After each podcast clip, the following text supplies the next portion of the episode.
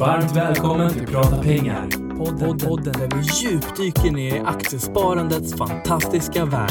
Här kommer giganten, Unga Aktiesparares VD Filip Scholtze och legenden, investeraren Niklas Andersson.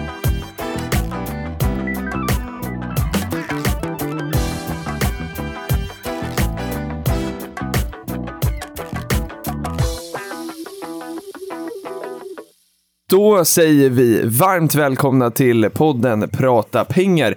Det är avsnitt 45. Hur är läget Niklas? Varmt välkommen i en kall omvärld skulle jag vilja säga.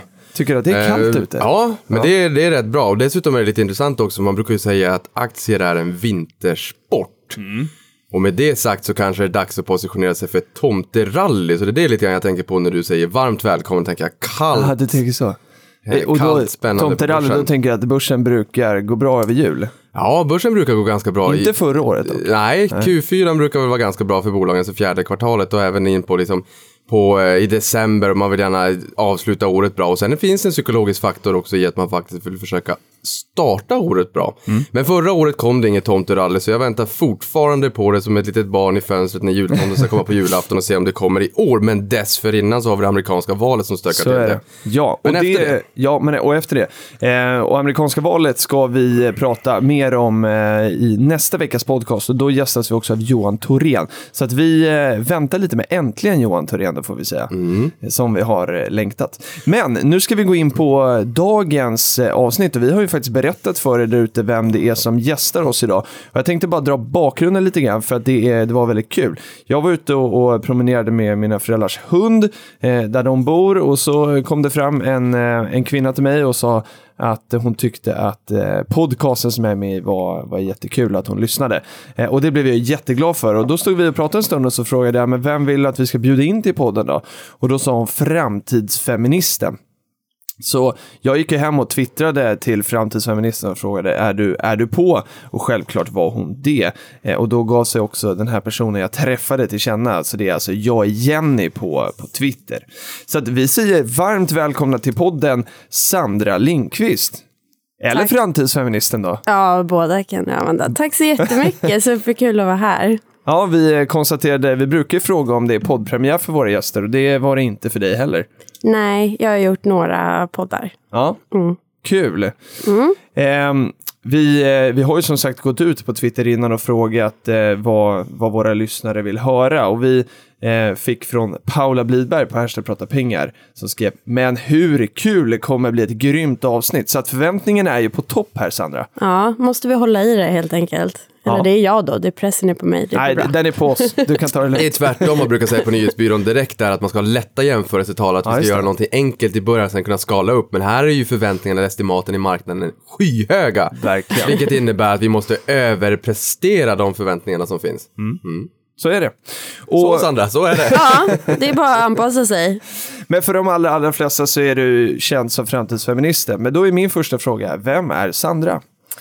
Sandra är personen då bakom Framtidsfeministen och jag brinner för jämställdhet och aktier. Men så har det inte alltid varit. Utan jag tänkte faktiskt spola tillbaka bandet 15 år till när jag gick i gymnasiet. Jag satt på samhällskunskapen i skolan.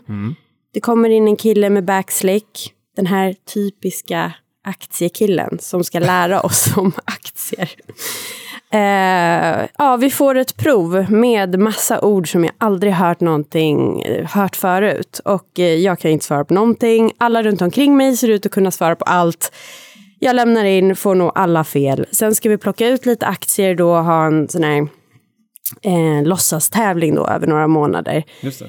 Eh, och då tänkte jag, okej, men vad vet jag någonting om? Ja, men TV4, folk kollar ju på TV, tobak, det, är väl, det kommer folk alltid använda. Jag väljer dem. Och samtidigt var det här eh, när precis Ericsson-aktien hade kraschat också. Och det visste ju de initierade då i min klass. Så de, de gick all in i Ericsson och det slutade med att jag kommer sist i den här tävlingen. Eh, vi gör det här provet igen och vi har inte fått läsa på eller någonting så. Vi gör provet igen och jag har fortfarande ja, inte så många rätt. Så där och då bestämde jag mig faktiskt för att det här med aktier, det är ju riktigt tråkigt Mm. och det här är någonting jag aldrig kommer prova på igen. Så där tänker jag, så började jag. Eh, och, Mm. Och tror du att det är en ganska vanlig, vanlig start och kanske inte bara för, för tjejer? För det kommer ju också bli vårt eh, fokus lite här idag, utan för de flesta. Det tror jag absolut, för att det är hela den här eh, det språket man använder, hur den bilden man är van att se på den här aktiekillen, det stänger ju ute inte bara kvinnor utan också män som inte känner sig som de här männen då. Eh, men idag har jag haft aktier i nästan två år och jag är superglad. Så det tog nästan 13 år då efter gymnasiet, för idag är jag 31, att jag vågade köpa min första aktie och jag är superglad. Det är ju jätteroligt. Så jag förstår inte varför jag väntar så länge. Jag är så sur att de skrämde bort mig. Varmt välkommen in i den här världen. Ja, det är aldrig för verkligen. sent. Nej, och nu märker jag ju, folk är ju verkligen inte alls så som jag trodde, utan mycket mer öppna och eh, så. Mm. när man har lite bättre självförtroende. På gymnasiet har man kanske inte jättebra självförtroende alltid. Nej, och det problemet är väl fikonspråk är ju väldigt, jag tycker om fikonspråk, jag tycker att det är jättekul. Eh, och det är det förmodligen i alla branscher, oavsett vilken bransch du än pratar om. Spelar ingen roll om det är finans eller bygg eller hotell eller vad det än är. Det blir ju ett fikonspråk, man identifierar sig med det. Men det viktiga för oss, speciellt den här podden, är väl att fikonspråk blir någonstans att gena i kurvorna. Ja, det går, för att, man brukar ju säga att engelskan har fler ord för att förklara saker och ting medan svenskan är lite mer avskalat. Vi är lite mer landet lagom till mitt emellan. Men det finns fler nyanser i, i England. Eller det amerikanska språket eller engelska språket eller vad man då vill säga. Och, och det här blir ju, fikonspråket gör det enklare men det är så otroligt viktigt för oss att förklara vad vi menar så man kan valsa in nybörjare att också försöka förstå det här fikonspråket. Inte stänga dem ut och säga att vi, vi pratar inte alls på det sättet Nej. utan vi kan gärna prata så men förklara vad vi menar så att man vaggar in dem och lär dem vad det betyder sakta men säkert. Ja, för annars blir det exkluderande ju. Ja, blir och, och det är farligt. Det ska inte vara Nej. exkluderande. Och jag drar bara mig till minnes här också att jag missade ju aktiekunskapskursen på gymnasiet för att jag missade första tillfället. Sen gång nummer två var det lite pinsamt, sen hittade jag inte lokalen, sen sket jag i det där och det ångrar jag mig för än idag. Det är pinsamt, men jag Det erkänner kanske det. var bra att du inte var med, för du blev ju inte bortskrämd i alla fall. Nej, sant. Nej. Men Sanna, hur, eh, du kom igång det här för ett par år sedan och var, var någonstans kom du på att starta Framtidsfeministen? Mm, jo, eh, det var för fyra år sedan så jobbade jag på ett mindre bolag. Vi blev uppköpt av ett större. Vi kommer in, får organisationsschemat och det är då 16 procent kvinnor på ledande positioner. Och innan det hade inte jag tänkt mycket på jämställdhet överhuvudtaget, utan jag tänkte Sverige är jättebra på jämställdhet. Jag har samma möjligheter som alla andra. Men eh, det ställde sig lite på sin spets. Har jag inte samma möjligheter som alla andra? Är kvinnor sämre chefer eller vad är det här? Så då började jag forska runt massor och eh, det jag hittade då Surprise, kvinnor är minst lika bra chefer. eh, det kanske inte kommer som en överraskning. Men, Data pengar, breaking news. ja, eller, Stoppa pressen. men så hittade jag massa andra saker som jag inte alls hade tänkt att jag skulle hitta. Och det är att eh, jämställa bolag mer lönsamma. Eh, jämställa bolag presterar bättre på börsen. Eh, kvinnor är minst lika bra investerare som män när vi väl tar oss för att välja ut aktier. Jag tänker det minst lika bra, man är väl nästan bättre. Lite bättre, vi är faktiskt lite bättre. Och det är för att killar har lite mer testosteron, ofta köper och säljer lite mer än kvinnor så det kostar mer. Ehm, Vi har sagt det förut, det står till och med i körkortsboken. Ja. Men det, det som man säger och det ryktet som går det är ju att kvinnor är rädda eller tar mindre risk. Men då är det ju, vad jämför man med? Men man jämför ju med en man. Och då skulle jag sant. vilja istället säga en man tar för stor risk, en kvinna tar lagom risk. Så skulle jag vilja säga. Ja, det är bra. Ja, eh, sen också hittade jag att som jag då, jag är ingenjör, eh, jag som akademiker har en 2,6 miljoner lägre livslön. Och det beror på att under den tiden jag jobbar så eh, statist- ja, men jag kommer ta ut 75 procent av föräldraledigheten. Jag kommer jobba deltid och jag får lägre lön för samma arbete för att jag är kvinna. Eh, och också då att vi tar mindre risk i vårt sparande, har mer pengar på banken och alla de här grejerna och sen då får man ju lägre pension också då. Alla de här grejerna tillsammans så tänkte jag nej, nu måste jag ta tag i mitt sparande. Jag har alla pengar på banken. Jag som tycker att jag är lite feminist och så gör jag här tvärt emot. Så jag tog tag i det där och började leta efter en fond. Så tänkte jag, jag vill investera i jämställda bolag eftersom de presterar bättre på börsen. Men det fanns tyvärr ingen sån fond.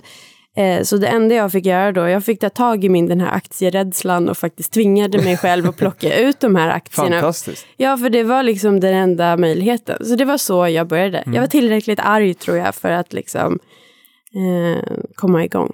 Aktierebell. Ja, så. Kan, tror du att det är lättare också att så här, övervinna den rädslan då för att man, eh, man har den så här, revanschlustan eller att man har någon i, i, eller inte revanschlustan, men i det att du, liksom, du ville investera på ditt eget sätt och gå din egen väg. Var det lättare att liksom, hitta den vägen tror jag, än att du bara skulle in i samma fålla som alla andra? Det, det är svårt. För mig var det absolut rätt väg. Mm. Eh, men jag kan tänka om, för jag var ju absolut inte nyfiken på aktier. Nej. Jag ville investera jämställt. Okej. Eh, mm, men om man tvärtom då, om man känner sig lite nyfiken på aktier, Mm. då tror jag det är bättre att det kanske finns någon mall, för jag hade ju ingen aning. Men vad är ett jämställt bolag? Hur ska jag klassificera det? Vad får jag det? Ska jag gå igenom alla 290 bolagen på börsen och det tar ju jättelång tid. Jag har ju ett arbete och det är också det man får höra ganska ofta när folk inte håller på med aktier. Det tar för mycket tid, det är för svårt. Eh, så de trösklarna behöver man ju också eh, se Jobba över. bort. Mm. Så jag tror det är bra när det finns färdiga mallar. De här aktierna är bra nybörjaraktier. Exakt. Mm. Och du står då för den, den jämställda delen. Vad, ska vi komma in på det direkt? Sådär? Men vad är då ett, liksom ett jämställt bolag? Vad är det du... Vad, när, när har du sagt att det är jämställt? I och med att det inte fanns en sån fond som hade, som hade paketerat det redan så antar jag att du måste ha liksom fått baka ihop den här strategin på egen hand. Vad har du landat där? Mm, jo, den forskningen som jag då hittade när jag blev lite sur här över att det bara var 16 procent på ledande positioner på det företaget jag jobbade. Eh, det är två grejer. Dels så vill man att det finns minst en kvinna i styrelsen. Eh, för då kan man se att eh, mm, kursen svänger mindre, det blir liksom mindre risk i hela, hela investeringen.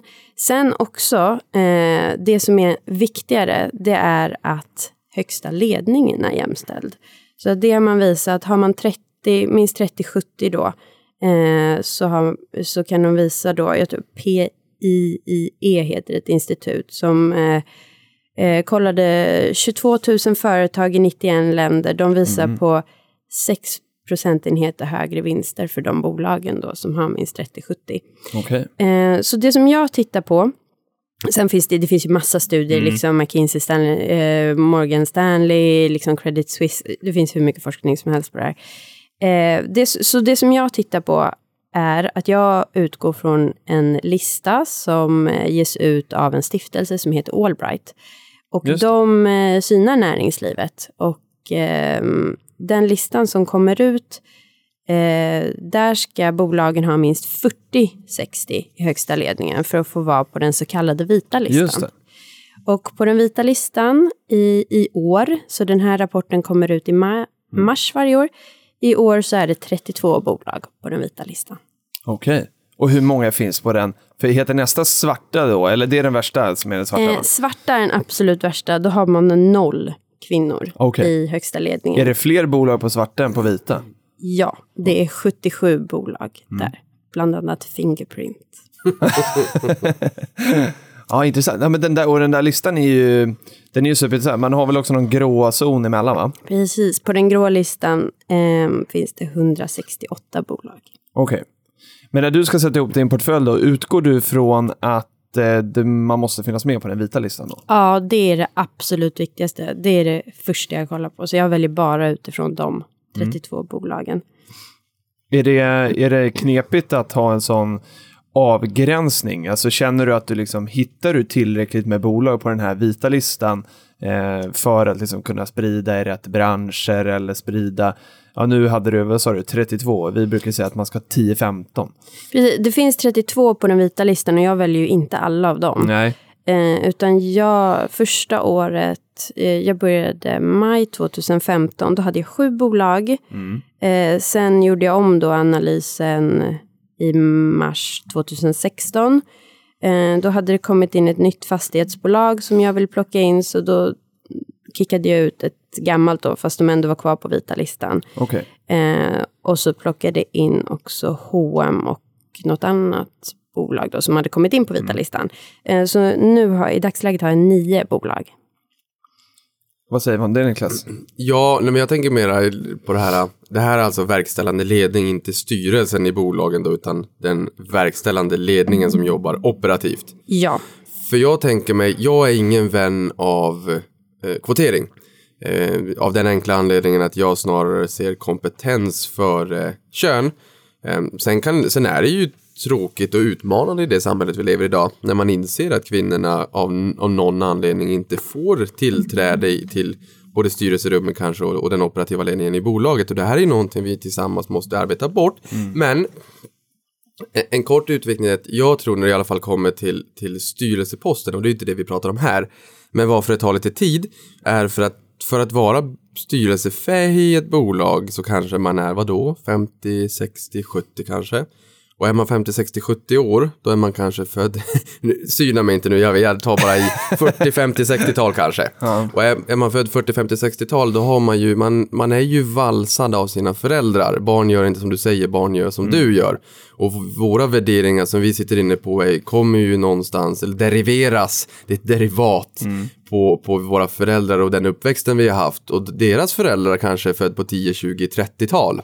Och då hade man en helt annan syn på kvinnor och män och det var inte alls vanligt för kvinnorna att jobba, speciellt inte ute i landet då. Eh, så det jag tänker är väl när vi blir äldre, när vi kommer till en sån, eh, till en sån eh, eh, ålder, ringa ålder höll jag på att säga, men när vi kommer till den åldern att vi blir börsfähiga för styrelseposter, tror ni inte att det kommer se annorlunda ut då? Nu är det inte det vi har pratat om tidigare, vi har pratat Nej, om en verkställande ledning, men just för, för styrelsearbete, tror ni inte att det kommer se annorlunda ut då? För tjejer tar ju för sig då, tycker jag i alla fall. Vi frågar Sandra och så skjut, passar vi också på att skjuta in frågan som vi fick från Nackos på, eh, på Twitter under hashtag prata, prata pengar. Hur du ställer dig till kvotering. Jag tycker det är en jättesvår fråga. Eh, och det är ju som du säger, alltså, det här går ju generationer. Bara hur vi är uppfostrade på dagis, att det är okej att ligga och skrika om man är kille men inte tjej. Alltså, eh, gör ju att jag beter mig på ett visst sätt och jag förväntas göra det i dagens samhälle och ni två kan göra det på ett annat sätt och ändå bli eh, respekterade. Eh, jag har faktiskt inte bestämt mig riktigt i den här eh, kvoterings...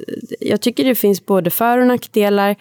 Ehm, jag tror absolut på att kompetens ska gå först. Men jag tror också att det finns kompetens. Kvinnorna har dominerat universiteten i väldigt många år redan. Eh, så det är bara, män väljer män. Ja. Ja, men, ja precis. Och om det är så att män väljer män, eh, och om man får provocera lite grann då, om forskningen nu visar på att så här, ja, men visst, dels så ser vi att, eh, att jämställda bolag presterar bättre, och nu tänker jag utifrån vårt investerarperspektiv, skulle inte vi vilja sitta på den här stämman då, om vi har forskning som säger att det är på det här sättet, det är bevisligen så, och det är jättemånga kvinnor som är eh, duktiga akademiker, skulle vi inte bara tvinga in de här då? då? Det är ju därför jag tycker också nu, eh, jag vill att fler kvinnor ska våga ta sig till börsen. För att börsen är också jämställd. Alltså aktieägandet. Det är, män äger 70 procent och kvinnor 30. Så hade vi varit 50-50 där hade det också varit lättare att sätta. Men varför styrelsen borde ju också representera fördelningen i aktieägandet. Ja, för är det så att män väljer män så blir det ju, om aktieägarna är till 70% män så kommer det i styrelsen förmodligen minst bli 70% män då också. Jo, det har man väl hållit varandra lite bakom ryggen, men det har vi ju sett i, invest, äh, inte Investor, i, i industrivärldensfären Ja, och, och, den, den splittringen som har varit, men att det har varit lite grann att man har hållit varandra bakom ryggen. Eh, men eh, och det jag kan se också, är vi på, eh, på Avanza, vår styrelseordförande Sven Hagström sitter som ledamot i Allbright, Mm. Just det. stiftelsen, och vi skrev ett inlägg eh, och gjorde en, en kommunikation kring jämställda bolag och det vart eh, både ris och ros, väldigt mycket ros, Mm. men det kom in rätt många kritiska kommentarer från män. Mhm. Eh, som gjorde mig förvånad att det, det faktiskt finns ett hat där ute. För jag har aldrig riktigt förstått det här med, jag har inte tid att förstå för att börsen tar upp all min tid. men just där när det kommer till feminism och jämställdhet och kvotering. För att jag tycker så här, men fast människan först. Jag tycker det är så självklart och vi är väl kanske födda den generationen att vi tycker att det här är självklart.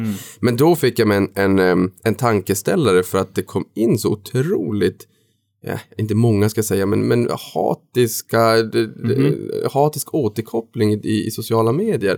Att folk tar sig den tiden att skriva långa utlägg, liksom väldigt kränkande mot kvinnor. Och det, eh, det, det, det förvånade mig lite grann. Och, och det gjorde att jag på marginalen förstod lite grann varför det finns den här motvikten. eh, Bland kvinnor också. Jag, jag, jag fick mig en tankeställare. Det, Ja, var, det är det inte fick mig en reflektion. Ja, jag skulle bara, själva ordet också, feminism, det är ju social rörelse för jämställdhet. Och jämställdhet, det är ju lika möjligheter för kvinnor och män. Eh, Så bara för att man är feminist så behöver man inte tänka Nej, att verkligen. eh, kvinnor Nej, ska och, ta och där var jag överallt. lite nyfiken på hur du kom fram till att du skulle heta då framtidsfeministen. Mm. Vad är framtidsbegreppet här? Eh, Det är så här att jag tänker att i framtiden är vi jämställda. Mm. Så, så tänker jag. Simply put. Ja. Och hur tänker, eller liksom vad bidrar du med liksom, eh, för att vi ska nå dit? Vad gör du dagligen eller liksom i ditt arbete kring framtidsfeminister för att påverka det här? Då?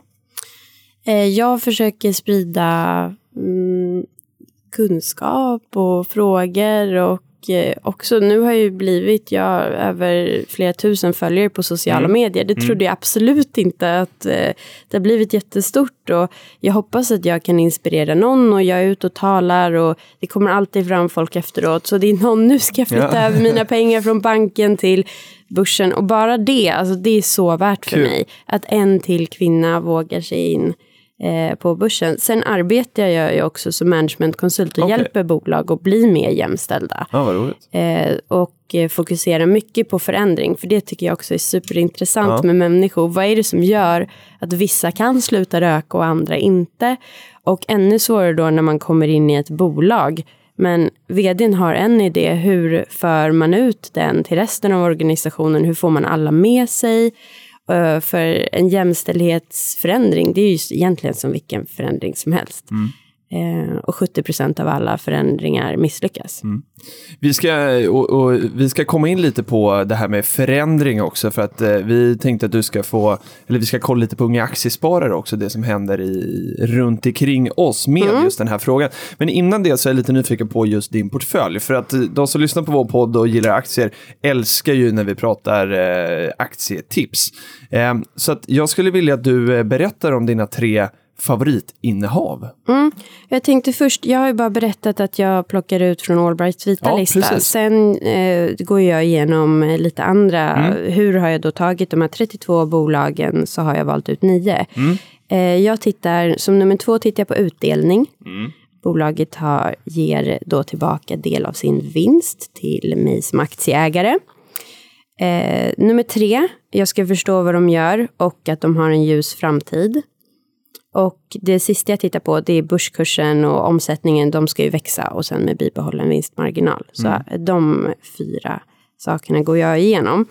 En Eh, fråga på det då, mm. för det är vanligt som, som vi får. Hur, hur hittar du den här informationen? För att det, vi, jag och Niklas pratar mycket om sånt här och då är det många som frågat oss, men var hittar ni de här sakerna? Vad ser ni att omsättningen har eh, liksom ökat med bibehållen marginal och sådär? Var, var hittar du det? Jag tycker börsdata är jättebra. Ja. Eh, det använder jag. Där ser man ju på tio år, ja, men hur har utdelningen ändrats? Och så kan man få upp massa roliga diagram. Faktiskt, på gra- jag kör gratisversionen. Ja, Jag tänkte Vill- säga att där blir George glad, men sen blev han inte så Nej, jag vet. Ehm, men eh, Googla nästa år, så hittar ni. ja, jag förfinar ju min investeringsstrategi hela tiden. Så nästa år kanske det blir att betala då. För jag gör den här analysen en gång om året. Mm. Och det är också en sån här sak, eh, det behöver inte ta mycket tid Ja, för det är med intressant. aktier. Ja, men, ja, exakt. Då kan vi bara stanna upp där lite. För hur, vad, gör du ingenting i portföljen förutom den gången per år? Nej, precis. Intressant. Eh, ja, men nu i år... läskigt. Ja, men, men det är faktiskt jättebra för då kan jag inte hålla på. och- För nu svänger ju jättemycket har Ja, det gjort här senaste hatta, dagarna. liksom. Jag kan inte göra någonting. Eh, även såklart eh, Brexit blev jag lite sugen på att köpa, men eh, det hade ju varit så här bra i efterhand. Men det vet man ju aldrig. Nej. Jag har min strategi, jag håller mig till det. Eh, sen så var det också i år eh, Dedicare som Mm. jag har eh, ett bolag som hyr ut sjuksköterskor, läkare och socionomer. Mm. Eh, den gick upp jättemycket efter tips från någon tidning. Mm. Eh, och då stod den helt plötsligt för 25 procent av min aktieportfölj. Och det Oj. kändes ju inte helt bra sådär för att sprida risken. Mm. Eh, så då gjorde jag faktiskt gjorde om lite och fyllde på alla andra bolag. Så att nu är den Okej. jämnt viktad. Så att Ja. jag har ungefär 11 procent av alla bolagen. Mm. För när jag startade då hade jag mest av det bolaget som låg högst upp på Allbrights vita lista. Ja, okej. Eh, men jag läste i den här Daniel Kahnemans Thinking Fast, and Slow. Det. Han har ju vunnit Nobelpriset så jag tänkte jag tar tipset från honom här och tipsar. För han har skrivit det, bara, för 99 procent av alla så är det bättre att ha lika Okej. stor andel av eh, alla aktier. Och det gäller egentligen i alla formler i livet om man ska rekrytera någon eller vad det nu kan vara. Ja, Okej, så vi behöver inte bara tänka aktieportfölj. Nej, utan det gäller i många delar av livet. Du håller väl också med om det Niklas? Med, du och jag försöker väl också jämnvikta våra, eller likavikta våra portföljer? Ja, ja men tänk så här om det ni skulle flyga ett flygplan, en liten Cessna från eh, Stockholm till Luleå så skulle det väl inte sätta sumobrottarna bara på höger sida, det skulle kännas lite jobbigt. Eller om det är så att man ror en liten eka över pölen från Sverige till Finland. Nej, jag skulle inte vilja ha japanska sumobrottningslaget på, på relingen på höger sida, Nej. för då skulle det bli lite blött. Så det, det gäller att och, och, eh, det gäller att vikta portföljen så att det inte, eller jämvikta och så gott det går så att inget innehav är större än det andra. Och när vi pratar om båtar så blir jag också lite sådär, spånar iväg på, det var ju även med, vad, vad heter den här eh, filmen med, med en val och där de ska fånga valar? Eh, jag vet inte. Nej, i alla fall. Det, det var, Rädda- Rädda Willy kanske? Ja, säkert. Nej, det heter det inte. Men, men det var en som var med i den där båten i alla fall som gav namn till bolaget Starbucks. För han hette Starbucks. Ah, okej, då var det inte Rädda Moby Willy. Dick. Moby Dick. Så var det. Det var en, en utsvävning. Men, men, men jag kan tänka så här, det, det verkar som att du kör lite living the dream när du jobbar som managementkonsult och, och kan hjälpa bolagen att bli mer jämställda. Men är det inte läskigt att Eh, välja bort så många eh, potentiellt fina bolag på börsen bara för att eh, jämställdheten idag inte är, kanske är balanserad. Men jag menar, bolaget kan ju ha fantastiska möjligheter och potential framåt och, och eh, ledningen kan, sammansättningen av ledningen kan ju faktiskt förändras. Men bolaget kanske är fint. Känns det inte läskigt att ha en, en avskalad lista att välja på? Jag hörde, undrar vad det var jag läste det igår, men det var någon som sa att man måste liksom börja någonstans. Och vissa säger, ta alla bolag på A, gå igenom dem och så väljer du bara från dem. Det liksom finns för många bolag, jag har ett jobb, jag kan inte sitta och gå igenom 300 bolag och vilket Nej. ska jag välja ut? Så min första gallring är om de finns på vita listan. Och det, det är bevisat av forskningen att de bolagen presterar bättre.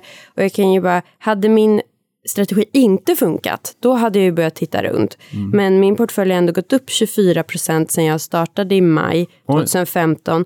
Och samtidigt så har Stockholmsbörsen gått ner 13 procent. Mm. Så det är ju jättestor skillnad. Så jag, jag håller kvar på min Och jag tycker det är strategi. häftigt. Ja, men det, är, det är riktigt kul att höra. För det, och, och Jenny då som eh, initiativtagare till det här avsnittet, hon frågade just det också på Twitter om det inte var läskigt att avstå den fina avkastningen som hon sa på de här, eh, i de här svarta bolagen. Och så kan det ju liksom vara, men, men det är häftigt att välja bort ju.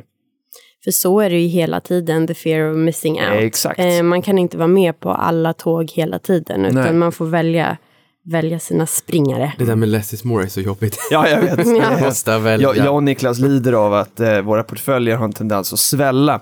Eh, så att vi, eh, ja det är fear of missing out. Men om vi kommer in på bolagen då, vilka, vilka tre ska vi titta på? Jo, ehm, jag kan säga också då först, de bolagen jag har har jag ju försökt såklart att sprida risken lite konsument, lite övriga hälsovård, fastigheter och kapitalvaror.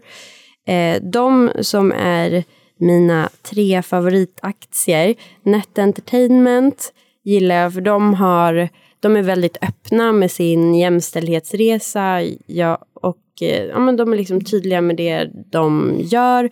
De utvecklar lösningar för alltså online gaming. Ehm, och de har ett Har ju haft en fantastisk resa också. Ja, precis. Ja, man kan säga att de är väl mer säljer spadar och hackar åt guldletarna snarare än att faktiskt leta guldet själv. För de säljer de här tekniska plattformarna som man går in och spelar spel på. Betsson eller vad det skulle kunna vara. Så kan det stå Net Entertainment, de har liksom gjort spelet. Och jag vill bara snabbt inflika att Net Entertainment är ju, fakt- är ju en av eh, syskonen i familjen Cherry. Ja. För Cherry var ju bolaget som en gång i tiden knoppade av både Net Entertainment och Betsson. Så att Net Entertainment, Cherry och Betsson in, kommer egentligen från första början från samma familj. Systrar är de. I, det här, I det här avsnittet, vi pratar Ja. om systrar, ja. Mm. Nej, men eh, de har ett jättemodigt mål och det är till 2020 att vara 50-50 på alla nivåer i alla grupper i bolaget. Och då tänker man ju, ja men de jobbar med IT-utveckling. Ja. Eh, så ja, och de lyckas jäkligt bra. De är 30-70 nu. Jag tänker att de får inte vara ojämnt antal då. Nej, Där sprack det. ja men precis. Kul Niklas. Nej men så det tycker jag är kul att följa dem. ja.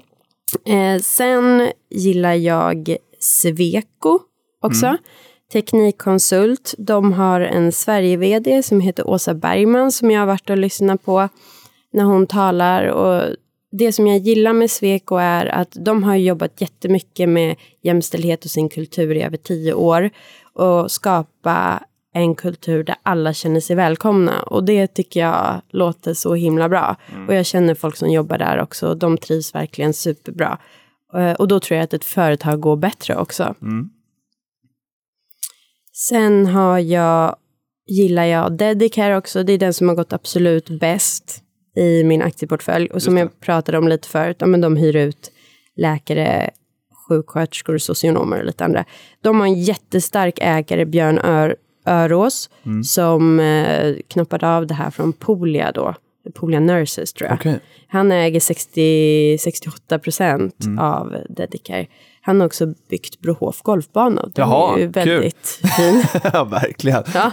Och jätteintressanta bolag och det som, eh, det som jag tycker är kul här och också i den här diskussionen med jämställdhet, också jämställdhet på börsen, eh, så finns det, det pratade vi lite om när Kristina var här i somras ju Niklas, att det är lätt att man alltid pratar om så här mode och smink när det kommer till tjejer och aktier och här kan jag bara konstatera då att vi pratar liksom IT-utveckling, vi pratar ingenjörer med Sweco och så är det vård. Eh, Det var ganska långt ifrån H&M och eh, Oriflame, så härligt att, att höra. Det är precis som Kristina sa, hon var ju också ingenjör. Ehm, Så att det, det finns mer på börsen än så. Ja, och hon pratade ju också om att det verkligen inte är så att, att eh, det är synonymt, att tjejer är synonymt med bara kläder och smink som du säger. Men jag tänker så här, för de som inte har hittat till börsen ännu, ja men då kanske det blir lite mer att killar pratar om bilar och vad pratar vi mer om? Jag pratar inte om Ja, fast bilar. det är och så. Nu, jag, Nej, jag fattar nej, var du ska komma. nej, men... de som inte har hittat till börsen. Ja, jag vet. Jag och fattar. vart man ska inrikta sig för att få de här personerna intresserade, Exakt. tänker jag. Hur, för nu har du ju en stor lyssnarskara som kommer lyssna på det här Mm. avsnittet. Vad är, vad, vad är dina bästa tips, Sandra, till de tjejer som lyssnar på det här? Alltså, Eller det kanske är så här. De tjejer som lyssnar på det här kanske redan är intresserade, men för deras vänners skull. Mm. Ja. Vad, vad skulle ditt bästa tips vara för de tjejerna som ännu inte har kommit igång med, med ett aktiesparande? Och kanske inte vilka bolag man ska köpa utan snarare hur man ska komma igång och ta det här steget till att faktiskt köpa sin första aktie. Och börja spara, eller börja investera. Mm, exakt. Eh, tjejer för det här fick vi som fråga på Facebook Mm. också när vi frågade. Och det var en tjej då som skrev, det är så jäkla tråkigt att man alltid ska rekommendera H&M och MQ och för att eh, kvinnor skulle förstå de här bolagen. Ja, vi gör andra alltså. grejer än smink. Hon bara, jag är jätteinsatt i Atlas Copco. Mm. Jag gillar det de gör. Coolt. Ja, eh, så jag håller helt med där. Eh, samtidigt så är det ju en vara som man ser varje dag och Mm. det är ju lätt att börja med någonting som man ser. Men Mm. kanske Clas Ohlson då börjar prata om dem istället. Jag tror det bästa till alla egentligen som är nyfikna det är att börja. Mm. Sätta över jättelite pengar. Alltså 200 kronor bara för över. För det jobbigaste är att öppna den här portalen som i och för sig går på fem minuter nu Jo, när allting verkligen. går att göra på internet. Men det är det här liksom eh, bara motståndet som man har i sig själv när man ska göra en förändring. Eh, och komma ihåg det att kvinnor är bättre på att investera i aktier än män.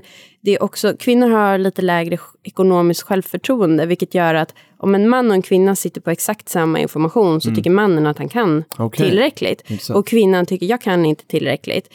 Eh, och jag tycker man behöver absolut inte läsa 200 böcker, 200 kronor. För över det som du har råd att bli av med och så testa, kom igång. Det är det viktigaste för alla tycker jag. Sen om det är H&M eller om man väljer att köpa något helt annat bolag. Man kanske jobbar på något bolag. Eller man är medlem i en bank. De, Exakt. eh, mm. Ja, och det är det jag tänker och det var det jag stoppade i lite Niklas, så jag förstår exakt vad du menar. Och det är precis, vi vill ju att men är man helt ny på börsen så ska man liksom utgå från sig själv och sina intressen. Och det var det jag menade med att men här eh, fördomen säger att det är kanske bilar för killar och kläder och smink för tjejer. Och nu fick vi höra Sandra här liksom då som, som är ingenjör och så lyfter hon upp Sweco. Eh, och så hade vi någon annan här som, som pratade Atlas Copco. Så att liksom, det är väl det som är vårt tips då, att så här, men fundera på vad kan du, vad är du intresserad av och så gå på den linjen. Liksom. Och jag tänker mer för att, liksom, för att ta fram någon typ av stereotyp för hur man ska rikta in sig för att hitta och nå ut till de här målgrupperna. För det, det kan jag väl bara se liksom empiriskt i, i min vardag eh, i sociala medier. Jag vet inte, jag kanske basar över en 12-13 tusen följare någonting i mina kanaler och sen så har jag ytterligare ett konto professionellt där jag basar för ytterligare 20, säg 30-40 tusen f- följare och, och eh, totalt då sätta med, med, med, jobbet och kan det vara 10-11% kvinnor Mm. av följarskaran? Om det är så att statistiken också från de stora kanalerna faktiskt stämmer. Ja. Men, men, men jag stör mig lite på det där, för det är så här, varför är det så i så hög utsträckning män, eller männen spelar ju ingen roll, det är jätteroligt, men varför kan man inte attrahera fler Nej, kvinnor? nej. Där ser jag i och för sig att Instagram är en, en jättebra kanal för att eh, säkert minst dubbla upp antalet kvinnor. Men, men det är just det här jag menar, vart hittar man kvinnorna? Jag skulle gärna Det är ju, alltså, kvinnor spenderar mer tid på sociala medier än män. Ja, det har jag sett en graf på. Ja. I alla kanaler. Ja, så det... Men låt oss gå in på det lite grann, för det är intressant. Och jag vet att du har lite frågor till, till oss också. Filip, innan det bara, vi bara uppmanar våra Ja, följare ja. typ, i sociala medier på Twitter under hashtag prata pengar tipsa om tjejer och, och vad man, tjejer får gärna tipsa om vart man tror att man kan hitta tjejer som inte riktigt har, har kommit igång med sitt sparande, vart man hittar den målgruppen. Mm. Det det hade varit spännande. Och jag tror Sandra har massa sådana tips till oss. Och, och som företrädare för Unga Aktiesparare är ju supernyfiken på de här. Men så Sandra, nu kör vi lite ombytta roller då. Vad, vad undrar du? Ja, jag är jätteglad att få vara här och eh, jag är nyfiken nu, unga aktiesparare. Hur många procent kvinnor har ni som medlemmar idag? Ja, vi har 26% medlemmar idag. Och då tänkte Filip jag på det rodnar här- lite. Ja, nej men då, då eh, tänker jag på som du sa hur, hur, ja, hur det var på börsen där det var 30% kvinnor. Så då ligger vi lite lägre. Och då ligger vi ändå lite högre än vad aktiespararna gör. Över tid så har det, för, ja det ligger här någonstans mellan 25 och 30. Eh, och jag tycker det är jätte, jättetråkigt. Mm. Eh, och det, det har varit likadant eller? Ja, det har varit så här. Sen- Jag tittade, eh, nu fuskade jag lite inför och kollade de senaste 15 åren tror jag att det var. Och då har det legat mellan 25 och 30 procent. Okej. Vad, vad har ni gjort hittills då för att attrahera fler kvinnor? Ja, men, så här, jag, jag tror att eh, vi kommer lite från eh, det här som du berättade när du gick gymnasiet och hade de här backslick-killarna. Eh, jag, jag har liksom sett att men, unga aktiesparare har gått igenom lite olika tider och där man har, eh, många tror jag utifrån tänker att det är backslick-killar som eh, vill jobba på Stureplan liksom. Och, eh, och det här håller vi på att förändra jätte, jättemycket nu för att vi, jag har ju också sett i, på min tidigare arbetsgivare Nordnet så eh, Avanza också gjort det här när man gjort tjejkvällar. Och de har ju varit super, liksom, eh, det kommer jättemycket folk och så har man tyvärr då pratat H&M och Oriflame. Men, men det har varit jätte, jättepopulärt. Men jag vill ju inte göra det. Jag vill ju inte stänga Unga Aktiesparare och säga så här, här hänger tjejerna och här hänger killarna, utan jag vill ju att vi ska liksom gå ihop här. Och det gör vi ett jättearbete nu. Vi eh, anställde en tjej som heter Tove, hon eh, skrev till mig igår inför att du skulle komma. Att så här, lova nu att vi ska göra så jäkla mycket bra grejer för att, eh, för att tjejer också ska tycka Unga Aktiesparare är roliga. Eller, så här, eller att börsen är kul, att man ska vilja göra det genom Unga Aktiesparare. För att det finns så mycket här att hämta. För hon kom in och började jobba hos oss. Jag har liksom aldrig hållit på med aktier och då har hon ändå jobbat med Günther Mårder ett år. Tyckte det var livsfarligt med aktier, jätterädd för det. Och nu tycker hon det det är skitkul. Så hon, kan, hon har liksom lovat att att axla det här och göra det eh, utifrån liksom hennes egen resa. Så att, eh, och jag litar på henne. Mm. Ja, men det är jätteroligt att höra. Jag läste hennes krönika Mm. eh, som hon Ja, skrev kul. för ett tag sedan. Och det att hon har varit livrädd och så. Ja, men den var jätteinspirerande. Mm. Den kan jag rekommendera till Det- många. Det vi kan säga här Filip också, det är ju att efter att vi startade den här podcasten så har vi sett en, ett jäkla uppsving i, i flöden från tjejer Verkligen. i sociala medier under hashtag prata pengar. Yes. Och det är väl ett medskick också, det någonting som vi ytterligare har gjort inom förbundet men som vi kanske inte riktigt alltid tänker på. Nej. Eh, för att det är väldigt många tjejer i flödet, det är många tjejer som ställer frågor i det formatet. Och det sa ju Sandra nyss här också att tjejer i större utsträckning är aktiva på sociala medier. Och det är en graf som jag har sett för en tid sedan också på, på Twitter. Det var någon föreläsning och sen så var det någon som la ut en bild och den där bilden sparade jag. För, för där såg man att tjejer i, i alla kanaler eh, är Nej, mer aktiva och det här, än killar. Och det här vet jag, för att eh, eh, när, när jag skulle då gå ut och fråga ifall du ville komma till den här podden och försökte liksom få med mig folk och övertyga dig att komma hit, så var det så jättemånga tjejer som, eh, som likade och interagerade med min tweet som jag aldrig liksom ser annars. Så de finns ju där ute, så liksom kom igen och häng med. Aha, nu förstår jag hur man ska få fler kvinnliga följare. Ja, Men, jag Nej, men det finns ju där liksom. Så det är bara så här, kom, liksom häng med, för det är förbaskat roligt. Ja, och vi pratar inte bara i den finansiella arenan Nej. utan även realekonomiskt inom citationstecken så kan jag säga att även min tandläkare är tjej. Mm. Och, och hon tycker att det här med aktier är jätteroligt efter att hon började lyssna på vår Ja, podd. kul. och hon sa ett jädrans, jag ser fram emot när du kommer nästa gång så, det, så vi får stämma av min portfölj. Och det här är så att det gör ju skillnad och det är ju roligt. Så att, jag menar, där har vi faktiskt försökt nått ut till tjejer och, och ändå Mm. lyckats lite grann i alla fall. Jag tror, jag har en teori där varför det funkar bra med podd. Mm. Och det är för att eh, Elin Helander mm, retweetade någonting, en ny undersökning från SBAB Okej. igår. Vad, hur gör män, hur gör kvinnor när man väljer fonder? Och båda såklart tittar på historisk avkastning, men sen så skiljer det sig. Kvinnor går med på personliga rekommendationer och Mm. hållbarhet. Och det blir mycket personligare när man lyssnar på en podd än när man sitter och läser en bok eller vad det nu kan vara. En, så. Eh, men de går med på magkänsla och avgifter när Aha. de väljer fonder. Så Okej. vi är ju lite olika där. Och det tänkte jag som, jag har tre tips här. Ja, jättegärna. hur ni skulle kunna få lite fler Shoot. kvinnliga följare. Och eh, det är helt enkelt det första. Eh, jag jobbar ju som med förändringar. Och Mm. Du får skicka en, fakturan sen. Ja, det, det gör jag. eh, en sak som jag tycker är jätteviktigt och som det är bra att hålla i bakhuvudet. Om man alltid gör som man alltid har gjort kommer man alltid få samma resultat. Smart. Men ni är ju på väg här med er förändringsresa så det är ingen Tove nyhet. tvingar mig. Ja, det är bra. Ja. Och liksom, det är många små förändringar som bidrar till en stor förändring. Man behöver inte gå in och göra en jätteomorganisation utan man kan, man kan ta tag i något litet och så testar man sig fram, eh, gör experiment och följer upp. Eh, tre saker som jag tror är jätteviktigt. Det är förebilder, marknadsföring, språket och jargongen.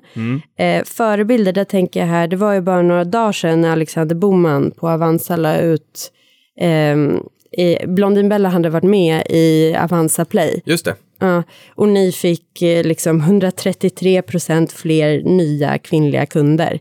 Eh, Otroligt. ja, 18 till 37 år gamla. Alltså den publiken som följer eh, Isabella.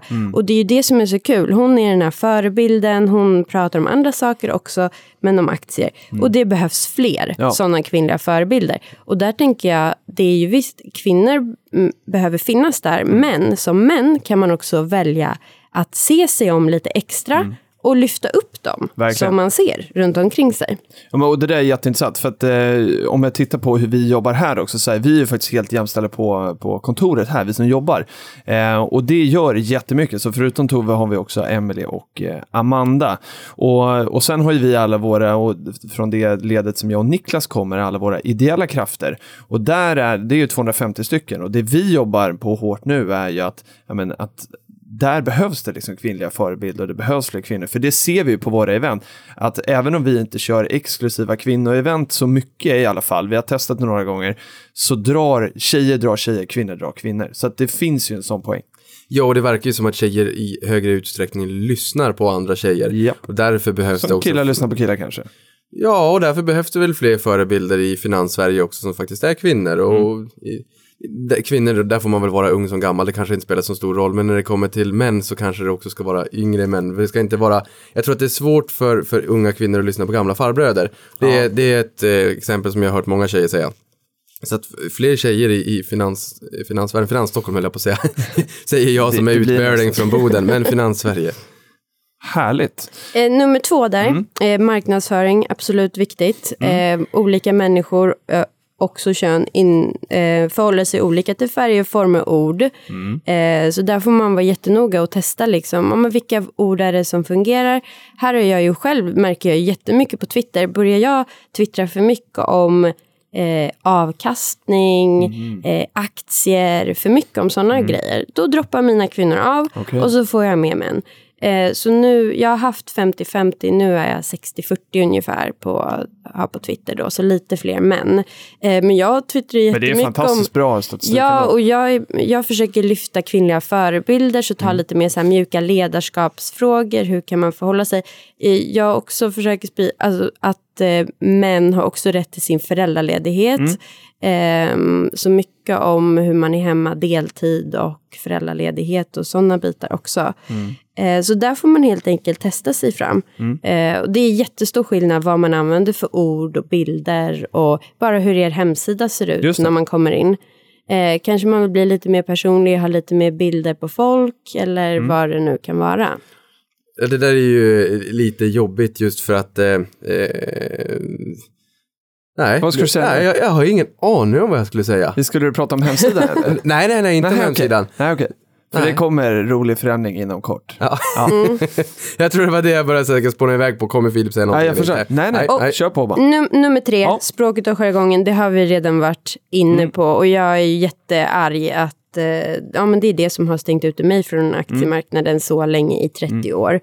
Ehm, ja, och där tycker jag, eh, det är faktiskt väldigt många män. Av Sveriges befolkning så är det bara 16 procent av männen som har aktier.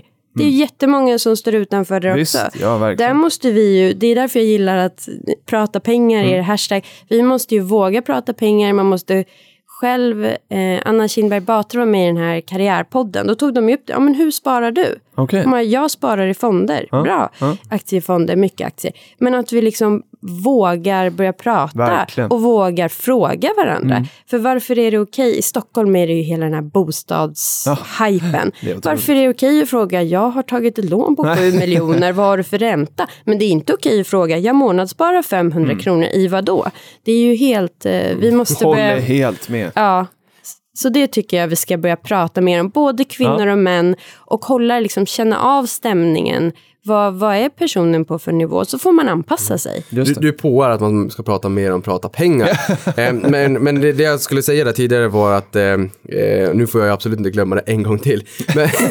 Men, men, att det är, eh, jag förstår varför jag bara har 10-11% kvinnliga följare av min följarskara. Just Det är för att mycket jag, avkastning. Det är mycket siffror och Ja, så. Jag älskar ju siffrorna, men man måste ju sätta det i en kontext. Men, men, men intressant att höra att kvinnor i stor utsträckning droppar av, eller att du märker att de droppar Mm. av just där då. För det är ju, ja, Mm. det, det kommer förmodligen vara 10-11 procent. Ja, kanske upp till 15, det är den här magiska siffran som Precis. fördubblar kapitalet Sen så 50 år. tänker du också, det är ju en viss typ av män som du attraherar som gillar siffror. Alltså jag gillar siffror också. Jag är civilingenjör, jag läst teknisk fysik. Jag älskar siffror. Eh, men att också kunna tilltala andra typer av personer som inte är jätte... Ja. Eh, som inte taggar igång på de här Exakt. siffrorna. Mm. Ja, superintressant. Vilka tips? Var, var det sista tipset? Det var sista. Det var sista. Förebilder, marknadsföring och språket. Vi skriver ner dem nu Patrik, Mm. så tar vi dem med oss. Jättekul att, att höra. Tror du att vi eh, kommer lyckas med det här unga aktiesparare? Ja, det tror jag absolut. Det absolut viktigaste är att ha bestämt sig och det har ni gjort. Det har vi Så gjort nu. jag tror på er. Ja, det ska bli jättekul att följa. Och eh, du är varmt välkommen tillbaka hit och få se hur den utvecklingen går. Eh, vi, nu ska vi få vara med om någonting spännande. Tiden har runnit lite från oss, men Niklas har ett grymt nyhetssvep idag. Eh, så att, eh, det är bara att köra igång Niklas. Ja, och jag känner mig lite sådär malplacerad för att ehm, skulle inte du fråga mig vad jag har gjort i veckan? Ja, vad har du gjort i veckan? Ja, bra. Och tack som fråga. Tack för att du insisterar. Jag träffade Lators vd Jan. Svensson igår Ja. och spelade in ett videoklipp. Och där måste jag säga, vilken ödmjuk och empatisk person. Och trevlig. Ja, han var ju på Avanza Forum också Ja. eh, förut. Det här är ett bolag som har avkastat 75 700 procent Ja. sedan 85. Det kanske jag sagt tidigare, men det är norr om 20 procent. Du har sagt det i alla fall två, tre, fyra, fem gånger. Ja, okej, nu är vi nyhetssvep då. Förlåt. Ja, då ska vi se vad som har hänt i veckan och vad som kan vara spännande. En sak som, ba- bara en, tweet som vi fick in som jag tog med här, som eh, kommer från Kristoffer Hedgren. Som sa, tack vare Prata pengar så kan mina barn, fem och nio år gamla, leva på deras sparande som jag har påbörjat efter att jag hittat podden. Coolt. Horisont 20 till 25 år. Det, är ju, det här är ju sånt som gör att vi smälter lite grann. Tycker Ja, att det är oh ja. roligt att vi kan inspirera och faktiskt få det, som vi säger inom citationstecken, realekonomiskt att hända saker i hus och hem där ute. Mm. Och här är uppenbarligen två stycken juniorer som har fått ett, ett fint sparande efter en klok far som lyssnar på podden. Ja, Så det, det tycker vi är trevligt. Tack Kristoffer. Men nyhetssvepet. Eh, I och med att vi ville ha väldigt mycket Sandra och väldigt mycket framtidsfeminister idag så har vi skalat ner det lite grann. Vilket kan vara bra ibland. Jag kan öva på less is more. Men VIX, det man också kallar för skräckindex, är upp 66% sedan 24 oktober. kan, ska vi förklara det någonting bara? Ja, eh, VIX är Volatility Index Mm. och jag tror mig veterligen att det är S&P 500, det är alltså hur stora svängningarna är eh, upp och ner på daglig basis. Man kan väl säga att Och svängningar är det vi Ja, antingen- kallar risk. Ja, antingen är, är sjön spegelblank och det är lugnt och det är stillsamt och man kanske hör något fågelkvitter, men det är ganska lugnt. Eller så brukar man säga att det är, att det är sjö där ute, det står stormar och det är stora vågor och ja, men tänk er lite grann Titanic, det var ju för sig ett, ett isblock eller, eller så, men, men tänk er att det hade varit en stor våg. Ja. Ehm, så det är väl det. Och, och det här har piskat upp till storm då den- den, senaste tiden och man kanske kan säga att det är rädslan inför amerikanska valet, valet som materialiseras lite grann. Ehm, för det skulle väl vara lite jobbigt kanske om Donald Trump skulle vinna. Jag vet att det var någon här eh, framstående, jag tror att det var på Carnegie, men jag låter det vara osagt. Nu sa jag det i och för sig, som sa att eh, en, eh, Trump skulle vara som sex eller om det var sju Brexit. Oj. Jag har ingen aning om, Oj, om det oj, stämmer, oj. Det, men, men det känns ju lite läskigt i marknaden om det skulle vara så. Det skulle bli en stor osäkerhet i alla fall. Yes. Eh, Telia, jag hoppas att folk förstår nu vad, vad VIX eller Volatility Index Ja, är. Volatiliteten, förklarat. prisvängningarna. Om ni inte så, så eh, Googla. hashtagga oss. Nej, hashtagga oss Okej, så, så förklarar vi. Så förklarar jag. Bra. Eh, Telia Company är på lägsta nivån sedan finanskrisen. Och igår då, vad har vi för datum idag? 3 november? Yes. Igår den 2 november så var den ner 50... fjärde idag, förlåt. Förlåt. Eh, Den 3 november så var Telia Company ner 58,58 procent sen IPOn. 13 juni 2000, exklusive utdelningarna ska då sägas. Och där fick jag på Twitter en, en liten, eh, från Analysera Mera då, han skickade en bild på hur marknadsföringen såg ut när, när Telia skulle IPOs eller börsintroduceras. Och då eh, var det en, en eh, mäklare då, manlig med backslick. som satt i baksätet på en bil med en bärbar dator i telefon och käkade en grillkorv med ketchup och senap. Och sen så såg man en sån här ruta där det stod NU! Skrek någon i mobiltelefonen. Och det här var myndigheten som marknadsförde det här. Så det var väldigt, väldigt tveksamt. Eh, varför det här är med i nyhetssvepet, för det här är ju alltså 16 år sedan. Ja. Men det är då för att den var på lägsta nivå sedan finanskrisen, Yes. den här aktien igår då.